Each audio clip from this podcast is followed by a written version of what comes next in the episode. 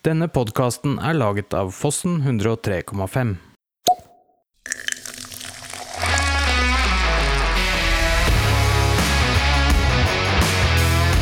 Spis! En podkast om mat for hele Ringeriksregionen.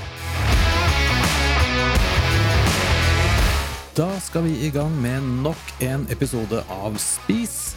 Jeg heter fremdeles Jonas Gutfeldt og skal være din guide gjennom den neste halvtimen eller så. Vi håper du setter pris på det innholdet vi lager her i Spis, og minner om at du kan få med deg alle våre sendinger både på YouTube-kanalen Fossen 103,5 samt på alle de steder du vanligvis hører dine podkasts. Husk å abonnere på oss på den plattformen du liker best, for vi setter også stor pris på alle mulige likes og delinger, og om du har kommentarer til programmet eller forslag til gjester, så skriv gjerne i kommentarfeltet eller på en av våre sosiale medier. Du finner Fossen 103,5 på YouTube, Facebook og TikTok.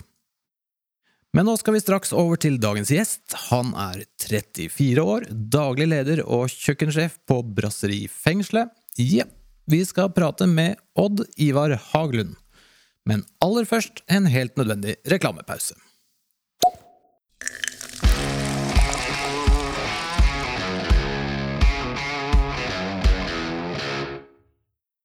Alle har en psykisk helse.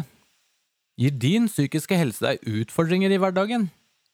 Fontenehuset Hønefoss kan tilby en arbeidsplass hvor du er ønsket, verdifull og får brukt dine ressurser. Vi hjelper deg videre til jobb, studier og aktiv samfunnsdeltagelse. Du trenger ingen henvisning eller å fylle ut en søknad. Send oss en e-post, ring eller møt opp på døra, så gir vi deg en omvisning for å se om vårt tilbud er noe for deg. Fontenehuset Hønefoss finner du også på fontenehuset.com. Visste du at annonser i podkaster er tre ganger mer effektive enn i TV-serier? Podkaster har ofte lojale lyttere. Nå kan også du annonsere hos Fossen 103,5. Vi har meget konkurransedyktige priser. Sjekk episodebeskrivelsen. Der finner du en e-post du kan sende dine spørsmål til. Alternativt kan du ta en titt på nettsiden fossen1035.tv.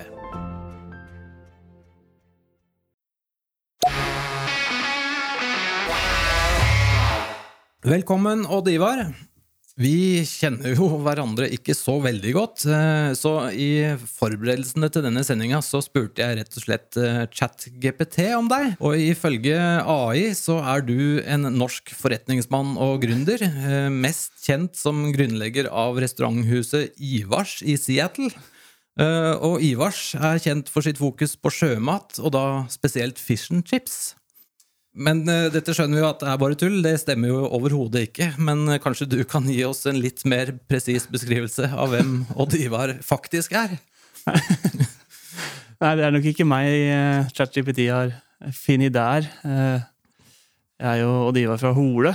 Uh, driver restauranten Brasseri Fengsel i Hønefoss. Ja, det er vel meg. Kort og godt, egentlig. Men sjømat er du glad i?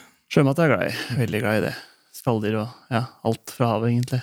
Så ja, jeg tror nok kanskje han eh, andre rådgiver der eh, Godt mulig han finnes, altså. Men eh, Fjern slektning. Ja, det må nok være det. Jeg tror vi må gjøre litt mer research om han til neste gang. Ja. Men du, Odd Ivar, du er jo pappa til én, men snart en god del flere? Nå dobler vi. Du dobler, ja. dobler. Ja. Det blir to til i januar-februar. Ikke sant? Jeg er litt usikkert om det er gutt-gutt eller gutt-jente, eller finner ikke ut av det. Så Nei. det blir spennende. Det er jo spennende, og det er jo, du er sikkert kjempelei dette spørsmålet, men eh, det er jo noe alle lurer på. Hvordan kombinerer man eh, kokkeliv og familieliv? Det lurer jeg på. Nei, det er vel eh, nok blomster til, til hun hjemme. Nei, jeg jobber jo jobber for så vidt mest dag, så det, det går veldig fint. Ja. Det gjør det. Det er jo alltid litt kveld og sånn, men mest dag. Ikke sant? Og litt sånn sesonger. Så. Litt høysesong så jobber man jo mye, men lavsesong så er man jo mer hjemme, da. Mm. Og det er jo gjerne sånn med alle som jobber skift eller turnus, at eh, man, plutselig så er man jo da hjemme på dagtid en ukedag og kan, kan være litt ekstra til stede da. Mm. Alle yrker har jo topper. Ikke sant? Sånn er det jo bare. Du, er det noe du absolutt ikke liker? Å spise, altså. Ikke sånn politikk, men uh, mat? Ja, rakfisk er ikke akkurat en favoritt. Nei. Det er ikke noen sånn Jeg likte det helt til broren min sa hva det var da jeg var liten. ikke sant? Da, da slutta jeg å like det. Så det er noe jeg klarer meg helt ok uten. Ja. Og lutefisk er jeg heller ikke sånn kjempeglad i. Nei. Det, går ned, men det er ikke sånn Det er ikke et must. Nei, det, det er det ikke. Sånn har jeg det litt med lutefisk også. Ja, det er ikke et must. Måtte aldri lært meg helt den. Nei. Du, denne restauranten, fengselet, har jo, det har jo blitt noen år nå. Hvor lenge har dere holdt på? Ikke 2009, tenker jeg? 12-13 år? Ja, ikke jeg. Mm. Ja. Og dere snur jo i overkant av ti mill. i selskapsmat. Eh, Hvilken sesong er det som er viktigst for fengselet? Det er eh, hele revyperioden, fra 17. mai egentlig, til eh, ut september.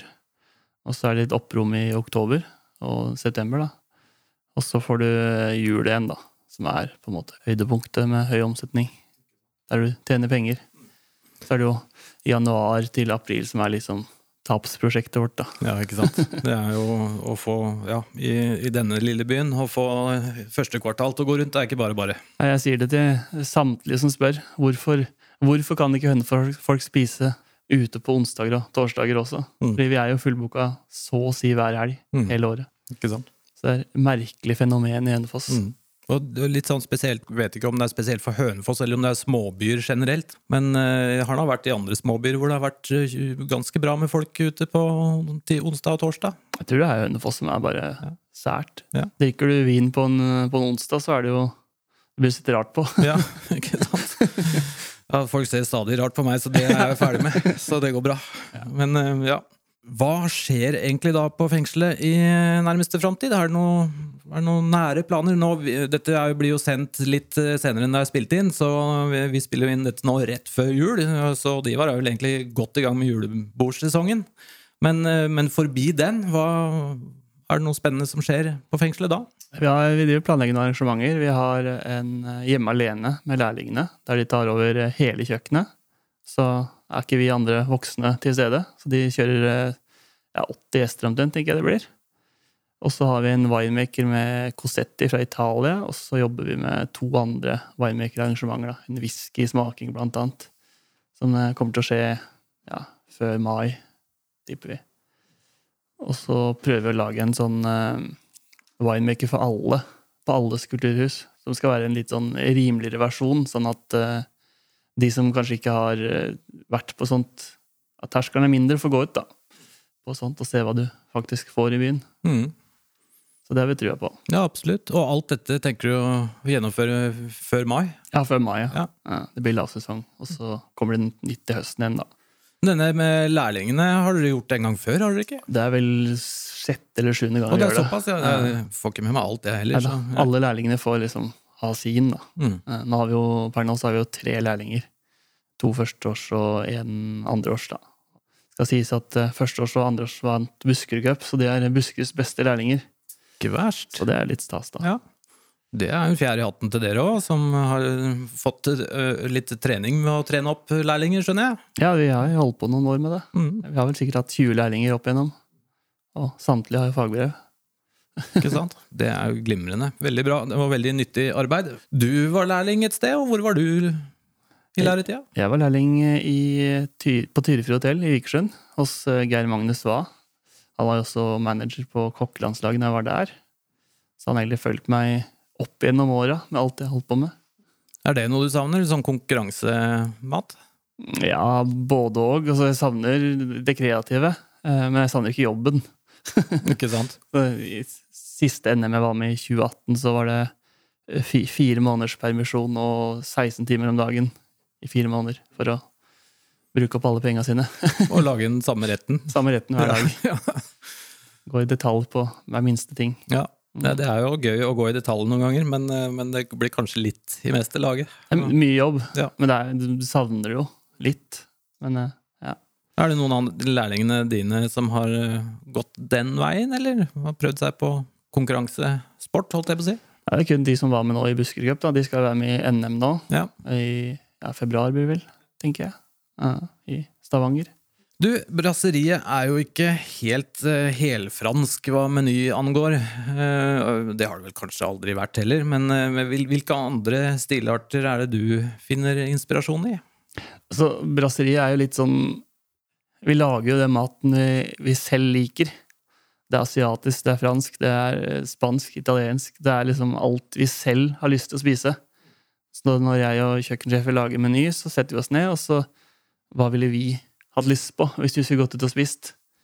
Og når man tenker sånn, så lager man jo bedre resultat. For da, da har man lyst på det selv, enn at du står der og er tro til kun den ene stilen. da. Så det er vel egentlig sånn vi, vi opererer. Eh, Og selv er jo veldig mot asiatisk thai-kjøkken. Jeg er veldig glad i, i de smakene. Friske og gode smaker. Samme her. Til de grader, egentlig. Ja. Ja, det, er, det er noe helt annet enn kjøttkake. ja, ja det er det. Ja, men du kan lage veldig gode, gode sånne eh, ja, thai-kyllingkjøttkaker, eksempel. Ja. Med litt spicy og litt eh, Det går ned, det også. Det går ned, det òg. Ja. Du har reist litt òg, da? Du har kanskje vært litt i Thailand? Sju-åtte ganger, tenker jeg. Ja. Det er sommerferien min hvert år. En måned i januar. Ja. Nå blir jo ikke det i år, da. Eller neste år. Da blir det jo tvillinger Ja, istedenfor. ikke sant. Ja. Det er også litt krevende kanskje, ja, å ta med seg to babytvillinger til Thailand. er kanskje ikke Eller så må jeg bare reise aleine. Ikke sant. Hvilke matopplevelser fra Thailand er det du husker spesielt godt? da? Er det noen sånne Det er litt artig, for jeg har vært på veldig mye restauranter. Jeg har vært hos Paul Bocuse i, i Lyon, blant annet. Jeg har vært på Trestjerners i Frankrike, i Oslo Maemo. Men den beste opplevelsen min er fra Thailand. Vi var på en, en brygge, og så bestilte vi sånn sharing style. Masse forskjellige retter. Og så hører vi under oss at det starter opp en båt. Og så ser du han mannen, i, mannen på brygga. Han kjører ut på havet ut på teinene og tar opp eh, fire krabber og kjører inn igjen, og så er det det vi får servert. da. Den maten her er liksom, den har brent seg fast. Det var helt fantastisk. Ikke sant? Var det sånn blåkrabber, eller var det Ja, det var blåkrabber. Ja. Ja, Det er jo altså, ja. Det kjempe... Det er noe av det beste jeg også får, og har også spist det i Thailand. Um, Det er vanskelig å, vanskelig å slå det, altså. Det var helt, helt magisk. Jeg hadde også en veldig Det er en litt sånn absurd eh, historie kanskje fra Thailand, men jeg, jeg er ikke så veldig glad i strender. Og det er det veldig mange som er i Thailand. Så, men så, når kona var på stranda, så brukte jeg litt tida på å liksom, valse rundt og se om jeg fant noen, noen spennende steder å spise. Og så rota jeg meg fullstendig bort. da, Det er jo litt av vitsen på en måte med sånne reiser, syns jeg. da, Å gå seg litt vill. Men jeg skjønte etter hvert at jeg havna midt inn i noe slags form for horestrøk. Eh, eh, og dette var på dagtid, lunsjtid, så det var ingen, var, ingen av horene holdt jeg på å si, som var på jobb. Det, men, men eh, de var ute og spiste, og der sto det en sånn fyr med en liten scooter som hadde en sånn wok montert på seg. Eh, og der var det masse folk rundt, så der jeg jeg får spise der, da. Så, så jeg gikk bort dit, og de friterte noe fisk og noe greier, og jeg fikk en sånn liten tallerken med, med noe spicy fisk og noe ris. Og, og, en av, absolutt en av de, i hvert fall det beste gatematmåltidet jeg har fått noensinne. Ja, det er helt, helt, helt rått hva de gjør på mopedene sine. Ja, ikke sant? Det, så nei, det er, det er mye godt der. Så det er litt eh, thai også da på menyen hos dere. Ja, det er mye asiatisk. Nå har vi, akkurat nå har vi en asiatisk ribbe. Det er liksom ja, det er det beste jeg får. Ikke sant? Med marinert eh, med hoisin, eller? Hoisin og ingefær og hvitløk og litt sånn barbecue-style og sesam. Og, ja. Du marinerer den på forhånd, eller? Altså Vi steiker den naturell, og så griller vi den sprø. Og så marineres den, så at du får litt sånn crispy samtidig. da. Mm. Det er jo kjempegodt, og det serverer du ris til, og Nei da, den, den går som en sandwich, Ja. og så går den som en forrett da, med litt syrlig eh, salat. da. Ja, for det må man til for å bryte gjennom den Ja. litt søte mm. Det er kjempegodt. Eh, eh, ja, du har jo også vært med på et kokebokprosjekt med, hvor det var noen asiatiske retter, har jeg fått med meg. Ja, jeg, har vel vært med i tre kokebøker, eller fire, er det vel faktisk. Eh, Den ene var jo, som heter Asiatisk mat. Den ble nominert til Årets kokebok i 21, tror jeg det var. Det var selvfølgelig Hellstrøm som vant, da. Mm. Og så har jeg gitt ut en som eh, handler om norsk mat. Stjernedyst over Norge. Og så har jeg vært med på Jørn Hoel sin kokebok. Og det siste husker jeg ikke helt hva heter, men jeg blir mest leid inn da, til, å, til å gjøre sånne oppdrag. Eh, Den asiatiske var jeg alene om i det forlaget. da. Veldig artig. Det er jo ikke en, Det er ikke en kokebok du lager til middag. Det er jo en sånn coffee table eh, Inspirasjonsbok. designbok. Ja. Eh, Det var utrolig flotte bilder i den. ja, den, eh, den boka kosta vel en to millioner å lage. Ja. Det tjener aldri igjen de penga, han, han som eier det firmaet. Nei, du skal selge noen bøker da, gitt. Ja.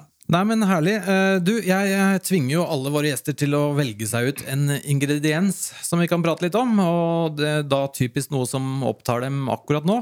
Og du valgte deg jordskokk. ja. Og det er jo en grønnsak som er godt egna for vårt klima, og sånn sett et bærekraftig produkt. Men hva er det du liker så godt med jordskokken? Jordskokk er noe som liksom står meg hjertet nært. Og Jeg, har, eh, jeg husker en av de første landslagssamlingene eh, i 2008. Da var det nesten ikke noe jordskokk, og så hadde jeg fått tak i noe jordskokk som vi skulle prøve oss litt fram på. Det var liksom før det tok helt av. Og så hadde jeg med det til, til bestemor, da. Og hun bare Oi, har du fått tak i det? For det, det var hun vokste opp med, men jeg hadde ikke sett det. da. Og etter det så har det liksom vært Det har alltid fulgt meg i alle mine 19 konkurranser, så har det alltid vært et eller annet med jordskokk. Om det er stekt, fritert, eh, ja, alt mulig rart. Den er så anvendelig til alt, da. Den er jeg glad i. Så du, ja, du bruker den til alt, ikke bare suppe og jordskokkpuré?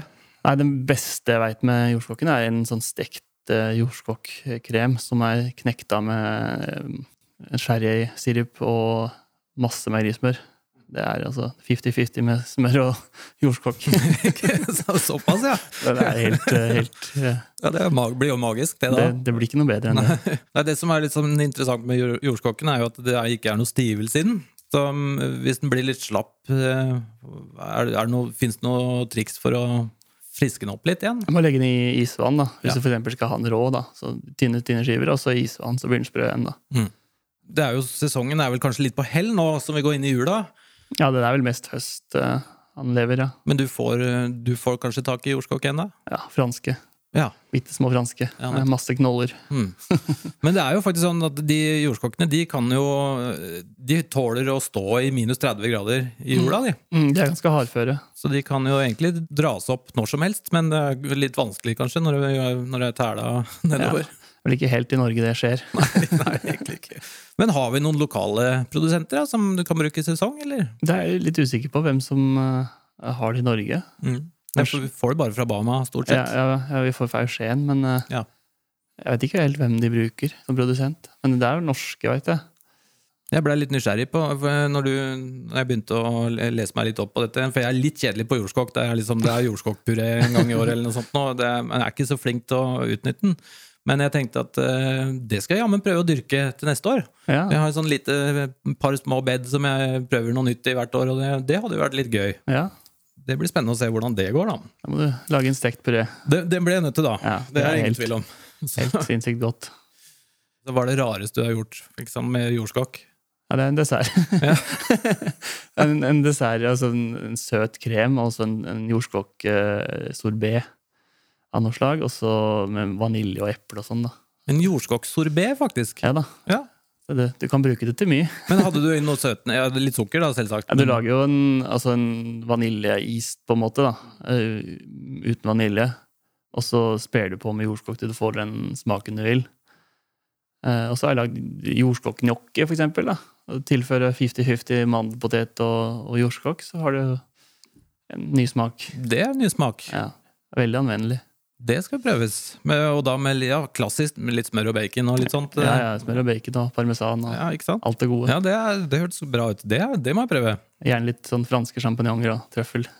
Trøffel, Ja, litt trøffel må man ha. Går det mye trøffel hos dere? Eller? Nei, det gjør ikke Nei. det. Altså. Det er Uh, mest på winemakere. Arrangementer, da. Ja, det for det er jo han eh, Nå har jeg glemt hva han heter, men er en veldig ivrig fyr på, hos Aursent som, eh, som ordner trøffel eh, i, i sesong. Ja, Det har jeg kjøpt noen ganger. Det er, alltid, det er alltid stor stas å få det i hus, da. Det er noe eget med det, altså. Det, er, eh, det går stolt og holder den. Ja, man gjør det. Og hva er kilosprisen på svart trøffel i sesong, da? Nei, det snur meg alltid når den fakturaen kommer. Ja. ikke sant? Ja, Det er sånn man ikke bør vite. Vi, vi forrige episode så hadde vi jo Kari Tyshaug fra Vi- Villfisken, og vi, så vi regna på kilosprisen på Sikrog. Det er også litt sånn Det er så 4500-5000 kroner. Det er såpass, ja. Ja, det er noen ting som, eh, som er dyrt, men som eh, jo heldigvis eh, man ikke trenger kilosvis av da, for å lage noe godt. Ja, det er sant. Så det er jo det fine med, med, med de produktene. Og Ivar, det er helt til slutt en liten sånn visualisering her. Forestill deg at det er søndag. Du har fri, og råvareutvalget på butikken på lørdagen det var helt supert. Og lommeboka var sånn passe feit, og du har all verdens av tid. Det er noen andre som passer unger, og de er på noe, kanskje på noen arrangementer, eller noe, så du har masse tid. Hva serverer du til familien? Ah, skal vi se, det blir noe asiatisk, tenker jeg, da. Eh, Av noe slag. Eh, hva kunne det vært, da? Eventuelt så er- pleier vi ofte å ha kalv. Kalv indrefilet. Eh, noe helt annet igjen, med masse bakte grønnsaker. Eh, det er vi veldig glad i. Og sånn estragon og trøffelsky. Dattera mi på to og et halvt år spiste lasagne for en to måneder siden. Spurte om trøffel på lasagnen. Det Det kan bli dyrt eh, i lengden. Yrkesskada. Ja. Altså det, jeg bruker ikke sånn kjempemye tid hjemme på middager. Det er liksom 20 minutters middager, egentlig. Mm. Eh, Men 20 minutter for en kokk er jo gjerne en time for en ikke-kokk. Så du får jo produsert ganske mye. Men eh, jeg liker jo, liker å skjemme bort når jeg har besøk. Hvis vi får noen gjester, så bruker jeg mye tid på kjøkkenet. Mm. Det gjør jeg. Men det er jo litt stas kanskje på søndagen å servere noe som alle liker også. Som toåringen også spiser. ikke sant? Som, hun er alltid et nøye. ja, nå er det, ja. Så Ja, ja, bra. ja. Ja. Ja. Ja, min eldste også. Hun er flink til det der. Så Ja. Det er sånn kokke, kokkeunger. Noen spiser alt. mm. ja, det, er, det er lovende og godt tegn for framtida. Ja. Du, det er jo travelt i restauranten for tiden, og du må sikkert tilbake til grytene. Men eh, det har vært en fornøyelse å ha deg på besøk. Eh, Jeg håper inderlig at du kommer igjen. Jo, takk for det. Det var hyggelig, det her. Vi har jo, det er mange ingredienser på lista vi kan prate om, Masse å prates om. så det, da ses vi snart. Det gjør vi.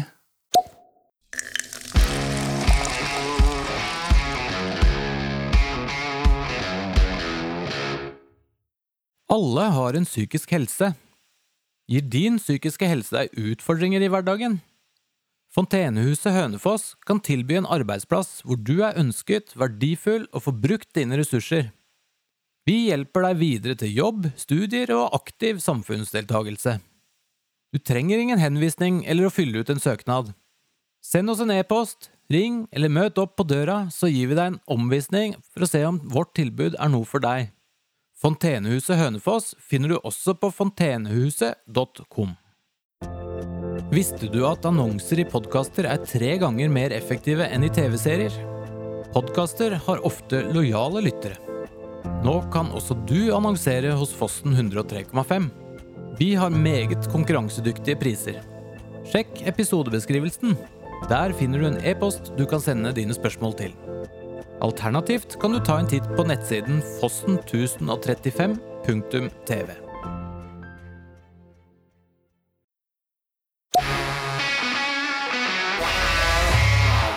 I neste episode flytter vi oss fra Hønefoss sentrum og opp til Kleivstua i Hole. Der treffer vi Rikards Råholt, som er ung og energisk kjøkkensjef med masse på hjertet.